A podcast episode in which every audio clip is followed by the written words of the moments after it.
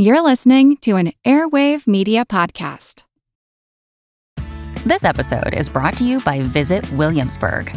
In Williamsburg, Virginia, there's never too much of a good thing. Whether you're a foodie, a golfer, a history buff, a shopaholic, an outdoor enthusiast, or a thrill seeker, you'll find what you came for here and more. So ask yourself, what is it you want? Discover Williamsburg and plan your trip at visitwilliamsburg.com. Another day is here, and you're ready for it. What to wear? Check. Breakfast, lunch, and dinner? Check. Planning for what's next and how to save for it? That's where Bank of America can help. For your financial to dos, Bank of America has experts ready to help get you closer to your goals. Get started at one of our local financial centers or 24-7 in our mobile banking app. Find a location near you at bankofamerica.com slash talk to us. What would you like the power to do? Mobile banking requires downloading the app and is only available for select devices. Message and data rates may apply. Bank of America and a member FDIC. This is Kick-Ass News. I'm Ben Mathis. Support for today's show comes from Google Play. Did you know that you can now download and listen to audiobooks on Google Play? That's right, with hands free listening using Google Assistant or Chromecast, you can enjoy thousands of titles a la carte, no subscription necessary. There's even multi device integration across the Google ecosystem. And for a limited time, you get $10 off your first one by visiting g.co slash play slash kick. That's g.co slash play slash kick. Find your story with audiobooks on Google Play. And now, enjoy the show. Hi, I'm Ben Mathis. Welcome to Kick Ass News. With sardonic wit and incisive social critiques, David Sedaris has become one of America's preeminent humor writers. The great skill with which he slices through cultural euphemisms and political correctness shows that Sedaris is a master of satire and one of the most observant writers addressing the human condition today. He's a regular contributor to The New Yorker and BBC Radio 4, and there are over 10 million copies of his best selling books in print, having been translated into 25 languages. In 2001, David Sedaris became the third recipient of the Thurber Prize for American Humor and was named Time Magazine's Humorist of the Year. And now, in his most deeply personal and darkly hilarious book yet, Sedaris sets his formidable powers of observation toward middle age and mortality. The book is called Calypso, and today this lovable misanthrope joins me on the podcast to talk about why he doesn't do social media, how a Fitbit has come to rule his life, and why his hometown of West Sussex named a garbage truck after him. He discusses his love hate relationship with the term humorist and his affection for the humorous writings of Edna Ferber and Calvin Trillin. David also shares how watching his father grow old has made him think a lot more about his own mortality, his secret for preventing politics from coming between him and his Trump supporting dad, and why in the Sedaris family, humor is the tie that binds.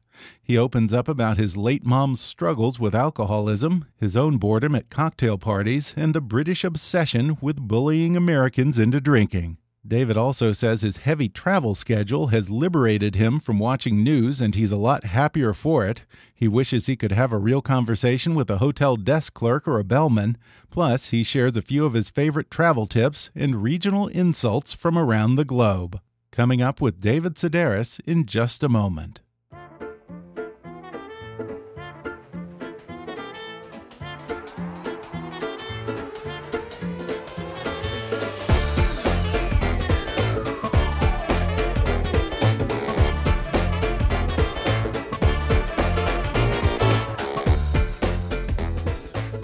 David Sedaris is one of America's preeminent humor writers, even though he lives in England, and he's the recipient of the Thurber Prize for American Humor and a Grammy for Best Spoken Word Album.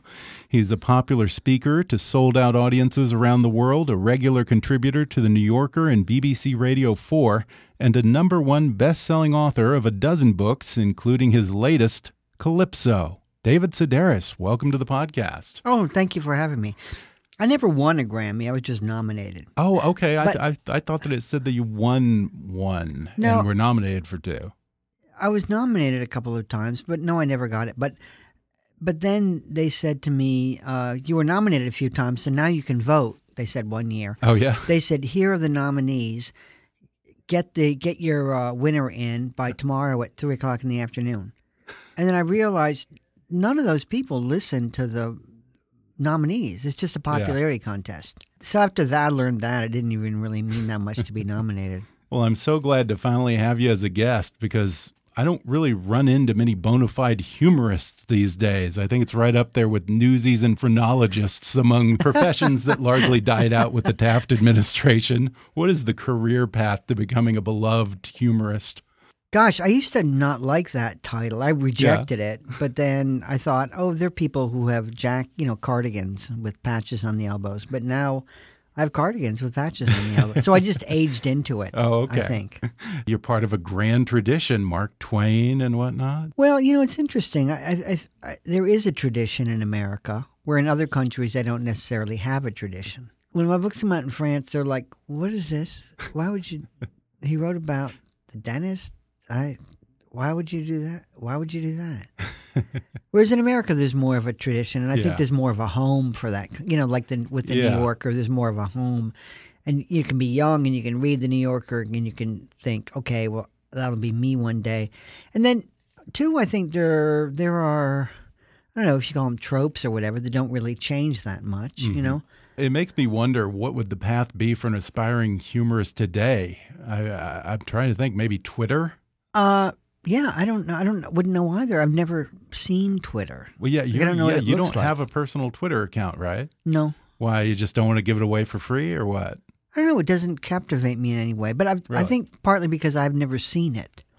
So okay. I'm not thinking like, let me in there, let me. but I've never. I, I mean, could I've, show you right now. I have a Facebook page, but oh, I've never Facebook? looked at that. I've never oh, really? seen okay. But anybody's Facebook page. Your publicist like. must love you. yeah. I know it. well, I absolutely loved your latest offering, Calypso. Parts of it are just laugh out loud funny, but you also talk about aging and death. There's a lot of your family in here. And in particular, you talk about your sister Tiffany's suicide, your mom's alcoholism, watching your dad grow old. Would you say that this is your most personal book yet? You know, I just write about my life, and I don't, I don't do things to write about them. But I mm -hmm. guess you know, just since the last book came out, you know, I mean, again, like you said, my sister committed suicide, and my dad is like really old. You know, like 95 is really old. And if your dad is really old, then you must be old too. I wonder, is it weird when you're on a tour like this and you're giving interviews and meeting fans at book signings, total strangers, and they come up to you out of the blue, suddenly asking you about personal family tragedies and stuff? I mean, I, I feel like, you know, I just give the illusion of exposing myself. Okay. Right? I don't feel like I've ever given away anything important, right? Anything that that makes me feel vulnerable that people mm-hmm. know that. I mean, there's plenty of that in my diary. You know, I, that's and it's the reason why I don't hand my diary over to anybody. But sometimes when people there's a Q&A at the book signing and people will and you know at, the, at, uh, at when I'm when you're on a book tour and a lot of the questions are questions you'd ask your cousin you know like mm-hmm. what's your dad up to and how's your sister yeah but I figure a, a pseudo familiarity that yeah. must be interesting but I figure you get the questions you deserve. Yeah. I mean, certainly you put it out there. So I'm sure yeah. that you steel yourself for that sort of thing. So it, it just yeah. feels a bit uneven when I meet people because they know things yeah, about me. So that's why, like, if I'm in a book signing or whatever, I don't. I just flip it around and we talk about them. Mm-hmm. Now, you also come from a very funny family. Is humor something that you, your siblings and you use to cope with difficult times? Um, I think it was just what we used to get my mom's attention, mm-hmm. and uh, so we all have our little sp- specialty, you know, yeah. the thing that we do, but we don't you know, like my brother, he can imitate. He's really good at imitating people, and he can spot your pretension and just mm, go right for it. Yeah. Uh, my, you know, my sister Tiffany, she was also good at making fun of you to your face, but she was a little bit too sharp. Amy can make fun of you to your face and then make you see yourself and laugh at yourself. Yeah. Um, I'm not I don't know really say that is my thing. Is Yeah. making. I'm more like I'd make fun of you behind your back. You know, is more what I would do. Good guy. Well, you know, my impression is that there aren't very guy. many sacred cows among your family, and pretty much nothing is off limits. Is that about right? No, there's plenty that's off. Oh, limits. really? I mean, everybody has things they don't want people to know. Yeah. And even my sister, uh, who committed suicide, I mean, there was a lot that I'm we would have made for really enriched an essay, but I knew she didn't want anybody knowing, and I just, I don't know, I just would have would have felt wrong to include it. Um, and then everybody's got their, you know, I disclosed the story with the New Yorker, and they said, "Oh, can you kind of get to the story quicker? Can we redo the first? can you redo the first couple paragraphs, right?" Which involved my older sister Lisa, and Lisa had no problem with the essay as it was, and so I said, "Okay, what if I just say blank?" And she said, mm, "I don't really want people knowing that," and it was something never occurred to me. I mean, she didn't have any problem with people knowing that she goes to the Starbucks in her uh, pajamas and pees in her pants sometimes. She didn't have any problem with that. But she did have a problem with something that to me Okay. seemed like just just in, uh, information, Yeah. general information. So I, I don't want to make her uncomfortable, or Yeah. I don't want to expose things that she doesn't want people knowing. so so when you write about family, you usually let them read it before it goes to print. yeah. Okay. Oh yeah, That's because you. because they're gonna like with the New Yorker, the fact checkers are gonna call them anyway. But the fact checker Oh, doesn't. that's right. The give- fact doesn't- checkers. But they don't give you the article, Yeah. right? They're gonna come and they're gonna call you and they're gonna say, "Do you own a pink checked linen shirt? Do you own a red pocket square?" And you you'll think, "What? Oh my God! What is this guy doing? What is he?" What, but they they're not going to give you the story. Yeah. And so people freak out because somebody can be a minor character in an essay, but tend to think the entire thing is about them. Yeah, the, So- the, the very idea of a fact checker almost seems like an archaic job as well these days, I suppose. Well, it's about lawsuits, Yeah, you know. yeah. um, but, I mean, in the context of the Trump administration and whatnot, Right. So, hard to imagine. right. But you have to, if you're writing a comic essay about something Mm-hmm. that happened in the third grade, you know, then everything has to be exact and true. But if it's a don't they know what policy a decision that's is? going to affect millions of people, then Yeah. Say what you want. Well, much of the action in Calypso takes place either at your home with your boyfriend Hugh in West Sussex, England, or at this beach house in North Carolina that you purchased as a family retreat. Now, families always come up with the kind of these cutesy poo names for the vacation homes. What name did you give yours? Well, we used to vacation here as children. And back then, the houses all had beachy names like Crabadabadoo and Clam-a-Lot Mm. Yeah, and Doing Our. Thing. And so now, like, there's a house now, they're called God's Place, you know, and Dolphin Song. And our house had a dumb name, and so we changed it to the Sea Section. and then we just bought the house next to our house, Oh, and yeah. we're going to change that to either amniotic, the amniotic shack, or canker shores. Now, was this over your dad's objections? Well, we bought the place next door because what happens is people buy places, these older houses, tear them down, and build these McMansions that they call sandcastles. And they put in pools. And if you have a pool next to you, then all you hear is Marco Polo, Marco Polo, Marco. Those are just the two worst words ever invented in the English language, I think. And you just hear I it rue the day. all day. And then at night, adults get into the pool Yeah. and get drunk. Yeah. There's a lot of your dad in this book in, ways that would probably seem familiar to many sons and daughters listening. Tell us a little about Lou Sedaris. Uh, you know, Hugh, my boyfriend Hugh, his dad was a novelist, and Hugh's siblings are all artistic in different ways, Mhm. like, like really talented painters. Um, and you have to snoop to look at their work. They don't let anybody see it, and it's almost like their dad got the ambition for everybody in the family. There's no ambition left over for anybody else, and I feel that way with like confidence in my family. or self esteem in my family. Like my dad that? does would never doubt a decision. You know, like with Donald Trump. Okay. You could write whatever you want about Donald Trump, and he doesn't care. Like he would never say, "I was wrong." Yeah. Oh my goodness, you caught me out. I shouldn't have done that. Feels completely confident in everything he's ever done or said. Okay. So and no my dad's like self-doubt. that. No, no self doubt. and it's interesting to me.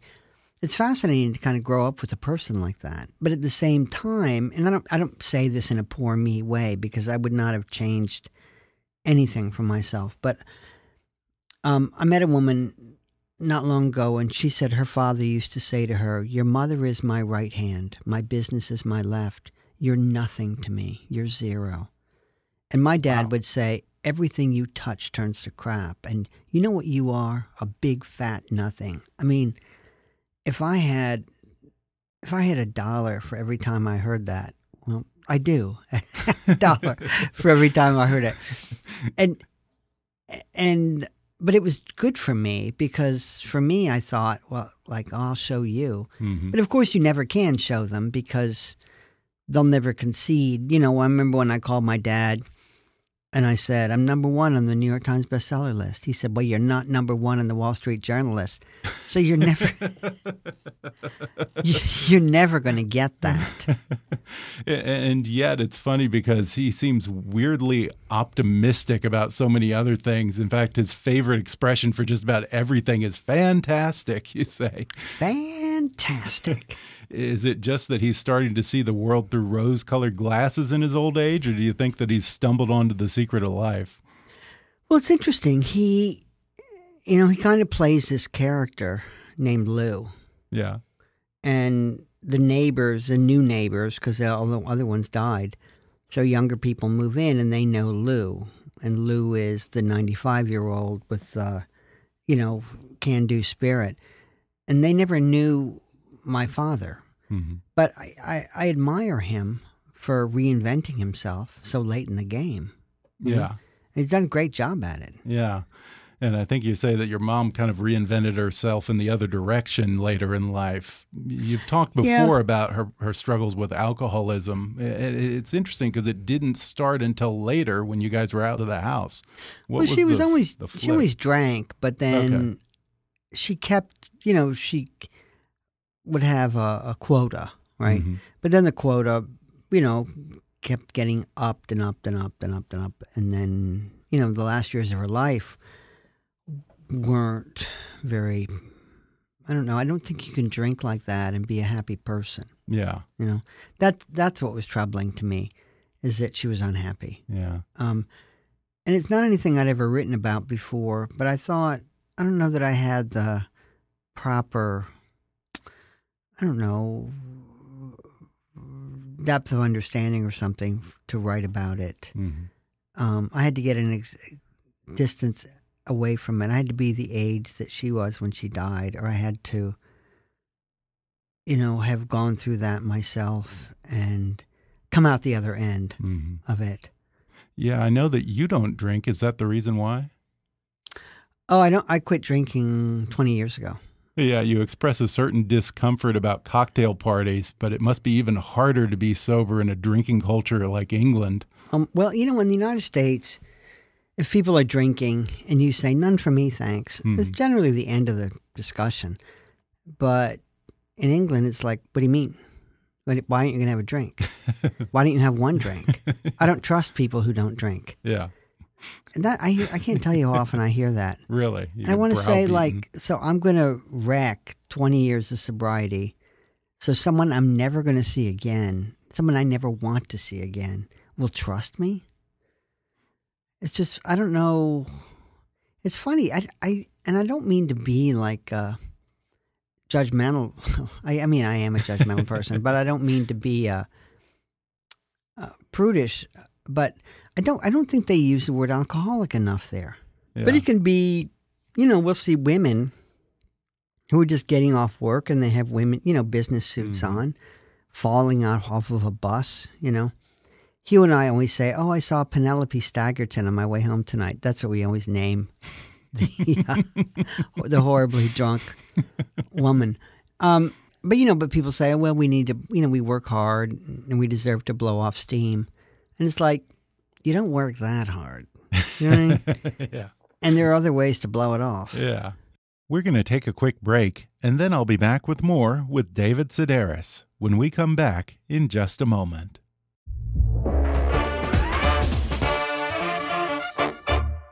How do you stay up to date with the latest business news? If you're still relying on traditional news outlets, keeping up with the news feels like a chore, but it doesn't have to be that way. Business news can be enjoyable, even something you actually look forward to. How? It's called Morning Brew, and it's a free daily email newsletter that delivers the latest business news directly to your inbox every weekday morning. The writers at Morning Brew curate the top business stories that you should know about and deliver them in a conversational and witty tone. Best of all, it's just a quick five minute read. Seriously, imagine getting all the information you need to start your day in just five minutes and enjoying every second of it. I know how overwhelming it can be when you've got so much news coming at you every day, and that's why I subscribe to Morning Brew for my business news. I love that it's concise, easy to read, and even entertaining. A great, fast way to get the most essential business news before I head into the office. So what are you waiting for? Sign up for free at morningbrew.com/kick. That's morningbrew.com/kick to start getting your daily dose of business news. And now, back to the show. Now, you mentioned that your dad's a Trump supporter. Do you guys still get into politics with each other, or do you largely avoid that subject now? He's so old, you know, that anytime you talk to him, it could be the last yeah. time you talk to him. And I don't want the last time I talk to him to be ugly. Yeah. But I have to say, and it's probably a lot of people feel this way, I find it hard to respect somebody. I'm sorry to say it. I mean, I know you're supposed to look at other people's side and you're supposed to but I find it hard to respect somebody who, you know, if you if you went at my dad now and you said, "Okay, how do you how's it going now?" He'd say, "Fantastic," mm-hmm. right? Because all that matters is he saved twenty three dollars on his taxes. Yeah, it doesn't matter whatever else happens. He saved twenty three dollars, and that's enough for him. Yeah. Well, it's also it's a different era. It's so hard to respect people when so much of their political belief is steeped in conspiracy theory and just outright lies. Our differences are not what they used to be 20 years ago. No, no, they're not. Well, I think that part of it is, you know, like there's somebody who you know, who I have in my life who believes everything. You know, mm. who mm-hmm. believes, you know, that Hillary Clinton was a member of the Illuminati and that Queen Elizabeth had Prince killed Prince on her birthday. The singer. Yeah, I guess because his name was Prince. I yeah. don't know.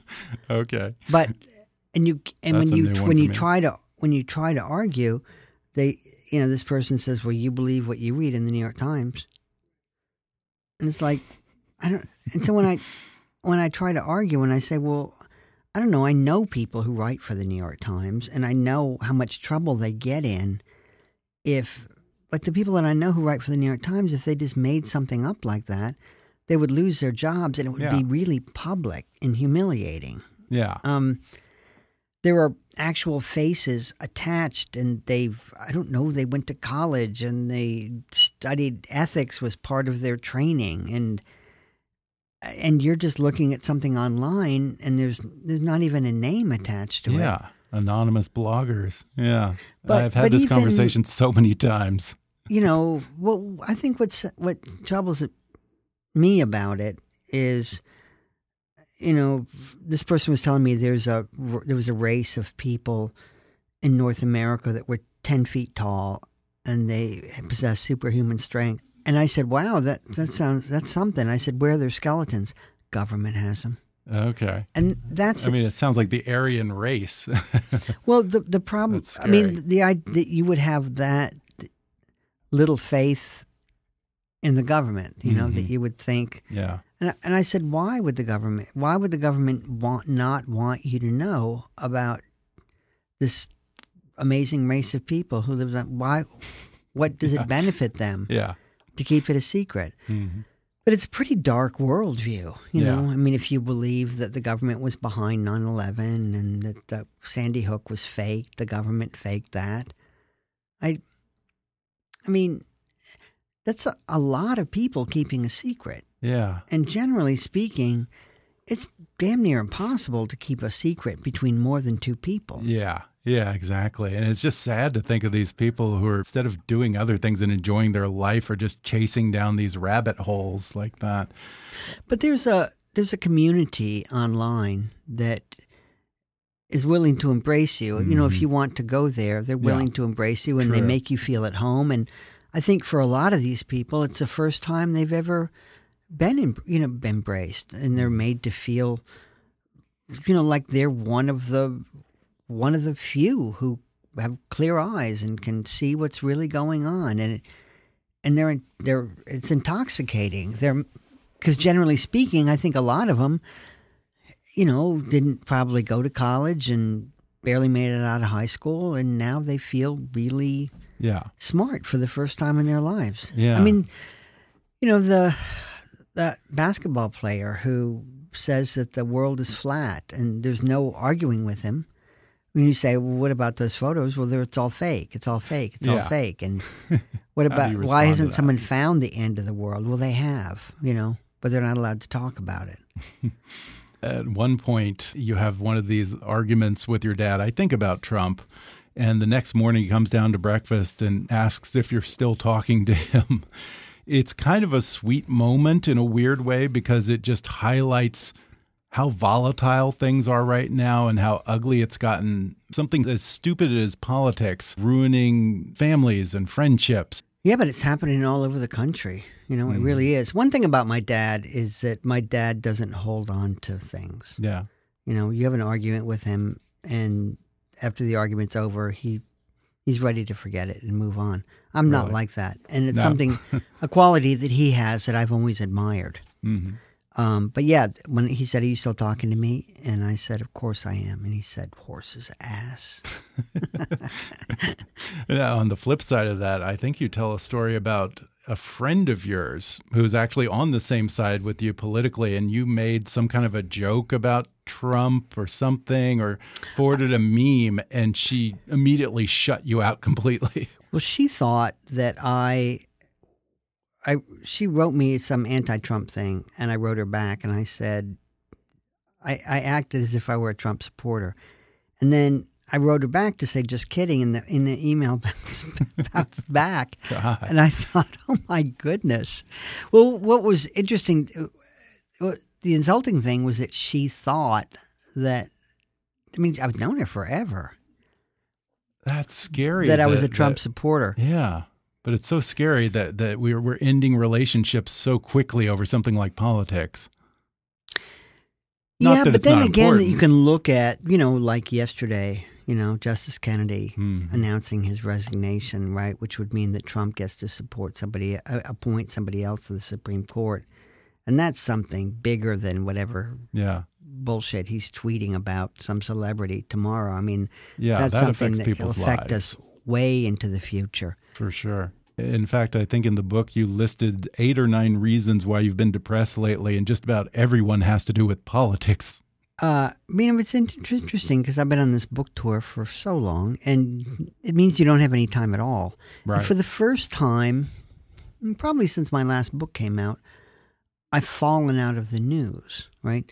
I mean, you you don't want to be an ignorant person, but I've just sort of uh, taken my finger off that pulse a little bit, and I have to say, there's something about it that feels good. It's so exhausting to care. Yeah. Yeah. I mean, for someone on the West Coast, I have to say it's stressful that the first thing I do every morning is just go on my phone to see what's happened in the past few hours that I wasn't aware of. I was at the uh, at a hotel in Milwaukee, and it was Obama was president, and I was sitting in the breakfast room, and they had a TV in the breakfast room, and the TV came on, and there was a couple next to me, and they said, "Oh Lord, what has he done this time?" and I remember thinking, like, what did he ever like? What do you mean? What did he do this time? What did he ever do? And then this time, it was a couple, same age, sitting next to him. Trump came on TV, and they said the same thing. What has he done this time? like when people felt like Obama was taking their country away, I didn't.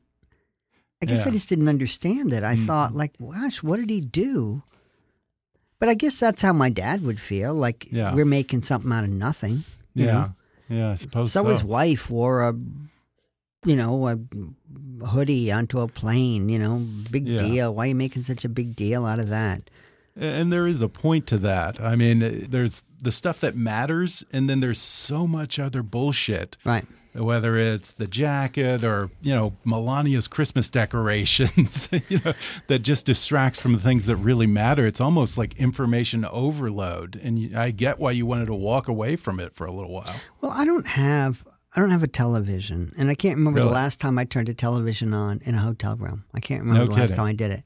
And you're in a lot of hotel rooms. Yeah, but you don't have to turn your own TV on. There are TVs everywhere you go, and you go to the airport, and you go, and there's so many of those cable channels, and it's and they need content, and so you know it's true they they take something that deserves five minutes of thought, and they chew on it all day and bring in all these experts, Mhm. and they like to get people riled up. I mean, I went. I remember I went on a show very first TV show I ever went on, and it was just before Barrel Fever came out. And this woman, she had a show on CNN, I think, and it was it was it was me and like two other guys, and then there was a third fellow who was a lot older than us that had written a book about I don't know, uh, written a book about success or something like that, right? And the host of the show said, "I want you to go after him. You know, I want you to really go after him." Huh. And I thought, well, why? I didn't get a chance to read the guy's book. I don't, I don't know anything about it. And then one of the guys on the show just was just tore into this person, really knowing he hadn't read the book either. He was the one you'd have back on because he was vibrant and he Yeah. was, um, It's the theater of it all. yeah. But I remember um, a segment, and I guess because it aired over and over again, on, and it was on YouTube, of somebody on CNN interviewing Joan Rivers, right? And she had a new book out. And the person was talking to Joan Rivers, oh, you're just being mean, and aren't you this, and you're wearing a fur coat on the cover of your. And Joan Rivers just saying, you know, I'm not doing this, you know, just took and walked away. I'm not Yeah, doing this. Like I'm not. I wrote a funny book, and I'm here to talk about a funny book, and you're not asking the questions. You know, Yeah. you're you're you're trying to make this interview. I mean, and you could argue on the other hand, and you could say, well, Joan Rivers does say mean things, and she said this and that, and why can't the interview be about that? But it wasn't. It didn't make for a good interview. It just made for a Right. you know, one angry person, and their the goal is to have two angry people Mhm. on television. I mean, I got to say, in that case, I didn't think that that was the right person to talk to Joan Rivers. I mean, that's not. It wasn't illuminating. It wasn't. Mhm. It, Joan Rivers wasn't presenting a side of herself that we'd never seen before. It was about the interviewer. It wasn't about Joan Rivers at all. Yeah. Well, I know that this all of this has led you to focus on your health a little bit more. You say, in fact, apparently you bought a Fitbit, and it sounds like it's sort of ruling your life nowadays. How many steps are you getting in on a good day? When I'm at home, I walk between 18 and 22 miles a day. I was on, I'm on a book tour, so last night I got back. Was it three o'clock in the morning? And then I got up at five o'clock this morning so I could uh, get my steps in before I headed to the airport because I knew that I was not going to have any time once I got here. Yeah, So it's kind of a nag, isn't she? Well, you know, he- somebody else, you know, somebody could say, "Well, you know, sorry, busy day, couldn't get it done," but I can't Yeah. I don't know. I just can't seem to do that. And again, Yeah. it's not uh, choice. Doesn't really have anything to do with it. Yeah. It just feeds into my mental illness, into whatever existing mental illness I have. It feeds right into it perfectly. It's not p- pleasant. It's it's a compulsion. So you don't enjoy it? It sounds like you Mm. do. It sounds like you're, as the Brits would call, you're a fan of rambling. Well, no, ramblers really are in the countryside with sticks. Oh, okay. I'm by the side of the road picking oh, up trash. Okay. In fact, you're so famous for that that didn't they name a garbage truck after you? Yeah, my Sussex? local council named a garbage truck after me. And The then David Sedaris, uh, do, they, do they even call it a garbage truck in the UK? I'm trying to no, what do they call it? Like a A rubbish lorry? something like that. yeah. And then the local newspaper did an article. You know, local guy picks up trash, gets garbage truck named after him. Then apparently that got picked up somewhere, and they wrote and they said, "Don't you know who that is?" And so they rewrote the article, but I didn't They didn't understand why they rewrote it because it didn't matter. It didn't Yeah. matter that I've written some books or that I'm on the radio there. The important thing was that I picked up trash and they named a garbage truck after me. Now, you spend a good chunk of your year on tour, doing book signings and speaking events and living out of hotels for what, weeks, maybe even a month or two at a time? Usually, uh, every spring and every fall, I go on a lecture tour. And so it's usually about 42 cities in 44 days. Wow. And then this year, you know, then I have a book tour on top of it. So, uh, and you know, an American book tour is a month, and then I leave here and I go to my British book tour, and that's a month, and then I'll go to Italy and Germany and Switzerland, and gosh, uh, Singapore Wow. and Australia. slow down. and- Do you have any good travel secrets or tips? Well, You know, I mean, I always travel with like these folding hangers because sometimes you're in a crummy hotel and they Really? just have those hangers that, yeah. you know, that do, That don't have a hook? right or like that. a, not a normal hanger. Right. Right. Yeah. well, also I got these know things exactly. in Tokyo so called shangers, and so I can take those that don't have a real hook and attach them to a Oh, shanger. really? Oh, that's great! Because that's I- a great idea. I, I wear these Hanro t-shirts and Yeah. underpants, but if you wash them in the sink and you can wash them with shampoo, you don't need detergent or anything.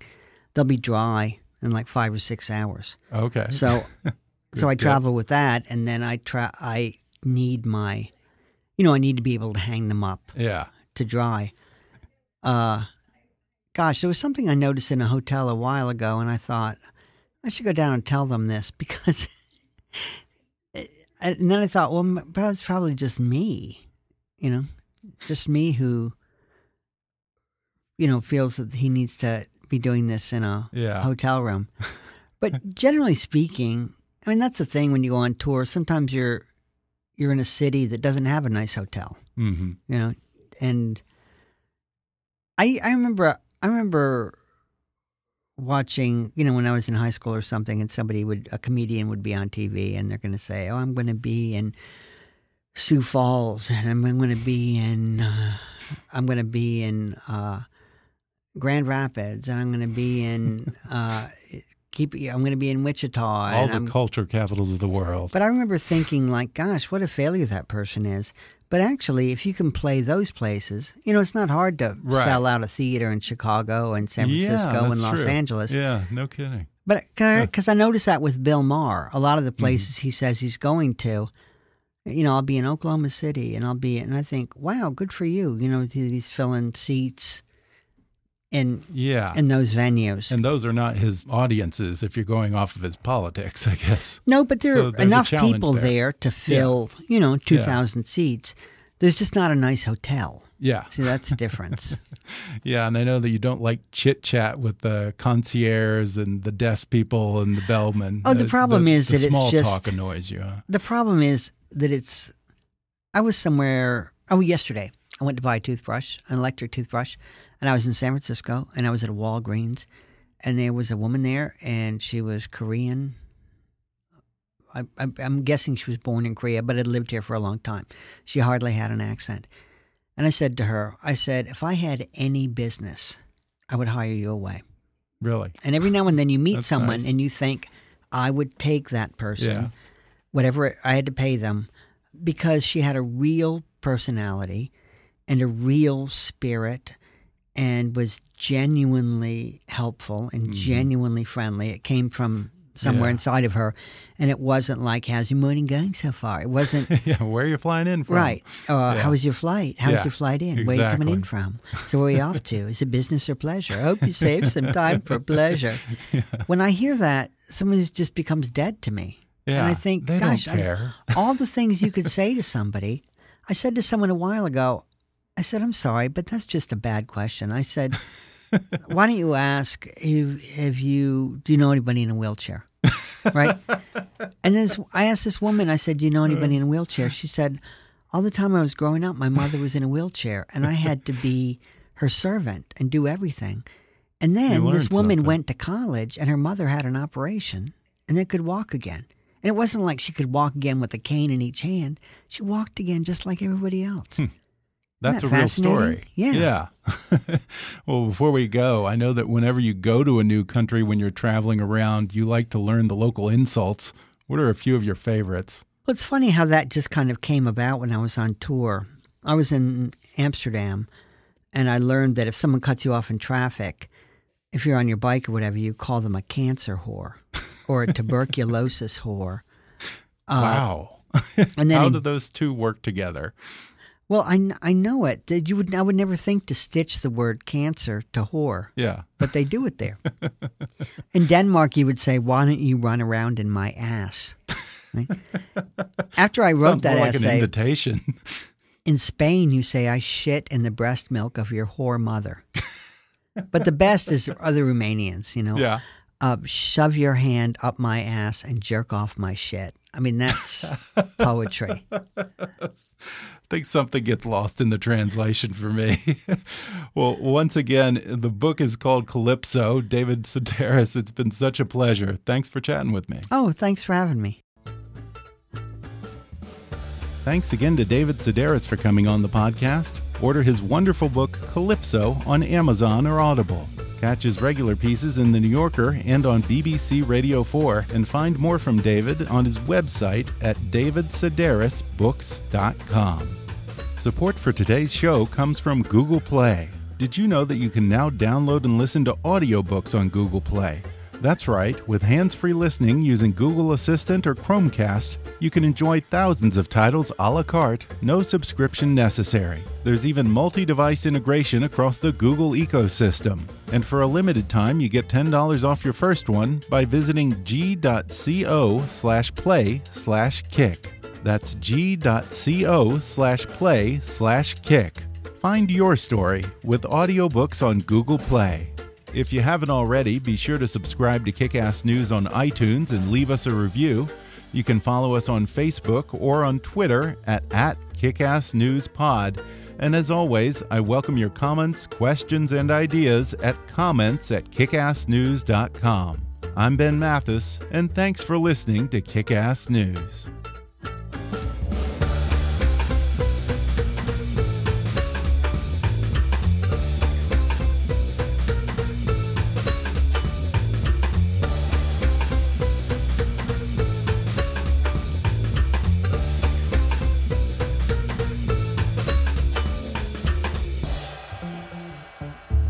Kickass News is a trademark of Mathis Entertainment, Inc.